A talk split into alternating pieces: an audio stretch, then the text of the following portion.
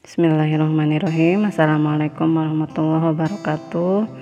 Sekarang kita berada di penghujung bab terakhir yaitu Perkembangan kebudayaan Islam di Indonesia.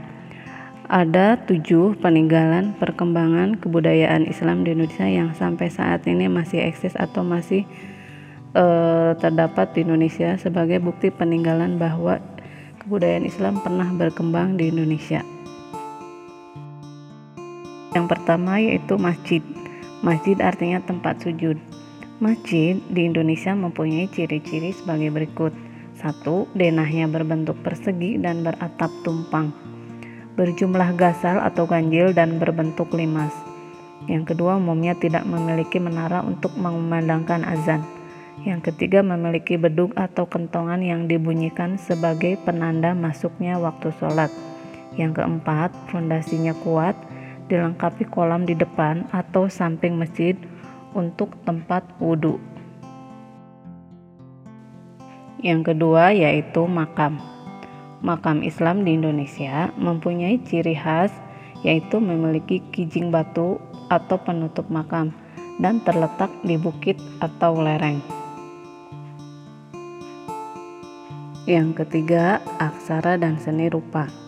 Tulisan Arab Melayu atau Arab Gundul merupakan hasil akulturasi antara kebudayaan Islam dan kebudayaan Nusantara. Tulisan Arab dipergunakan untuk menulis dalam bahasa Melayu. Selain itu, huruf Arab dikembangkan menjadi seni kaligrafi untuk motif hiasan. Agama dan kebudayaan Islam memberikan pengaruh dan membawa perubahan dalam bidang seni rupa di Indonesia, terutama seni lukis, seni ukir, dan kaligrafi. Agama Islam melarang penggambaran makhluk hidup secara nyata. Oleh karena itu, para seniman kemudian mengolah kaligrafi sebagai ragam hias. Contoh ragam hias kaligrafi sekaligus seni ukir diterapkan pada nisan atau makam. Beberapa makam seperti makam di Kerajaan Samudra Pasai menampilkan seni ukir kaligrafi yang indah. Contohnya, makam Sultanah Nahrasiyah yang berhias kaligrafi surah Yasin dan ayat kursi. Selain itu juga terdapat stilisasi yaitu penggambaran makhluk hidup secara samar sehingga tidak menyerupai bentuk aslinya. Yang keempat yaitu karya sastra. Berikut contoh karya sastra yang dihasilkan pada masa Islam. 1. Suluk yaitu kitab yang berisi ajaran tasawuf seperti Suluk Sukarsa dan Suluk Wujil. 2. Hikayat dalam bahasa Sumatera yaitu Tambo, dalam bahasa Jawa yaitu Baban, dalam bahasa Sulawesi yaitu Lontara, yakni karya sastra yang berisi cerita atau dongeng yang dikaitkan dengan tokoh sejarah seperti Tambo Minangkabau, Babat Tanah Jawa, Lontara Bugis, dan Hikayat Hang Tua.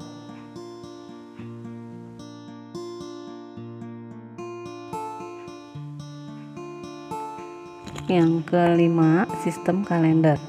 Pada masa Hindu-Buddha, masyarakat Nusantara menggunakan kalender Saka berdasarkan perhitungan peredaran matahari.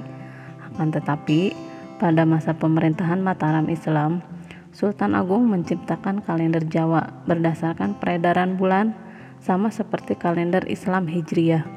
Nama-nama bulan Hijriyah seperti Muharram dan Ramadan diganti menjadi Suro dan Poso Nama-nama hari tetap menggunakan bahasa Arab, tetapi hari pasaran dan kalender Saka seperti Legi dan Pahing tetap digunakan.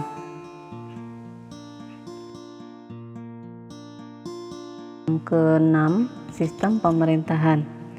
Sistem pemerintahan pada masa Hindu-Buddha telah menempatkan kedudukan seorang raja sebagai titisan dewa di dunia, sehingga rakyat harus patuh apabila melanggar perintah raja akan terjadi bencana.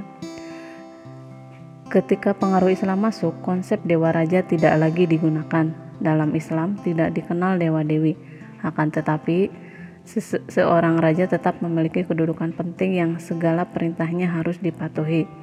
Raja dianggap sebagai seorang khalifah, pemimpin di dunia ini. Raja kemudian diganti dengan sultan atau yang ketujuh yaitu upacara adat. Akulturasi budaya pra-Islam dengan kebudayaan Islam tampak pada tiga bentuk upacara, yakni pernikahan, kelahiran, kematian.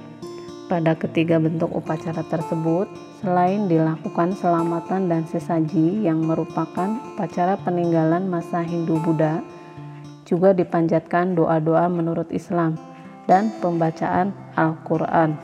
Sebagai contoh yaitu adanya kebudayaan peringatan sekaten atau peringatan Maulid Nabi di Jogja yang sampai saat ini masih diperingati Kebudayaan ini merupakan akulturasi kebudayaan antara Hindu dan Islam.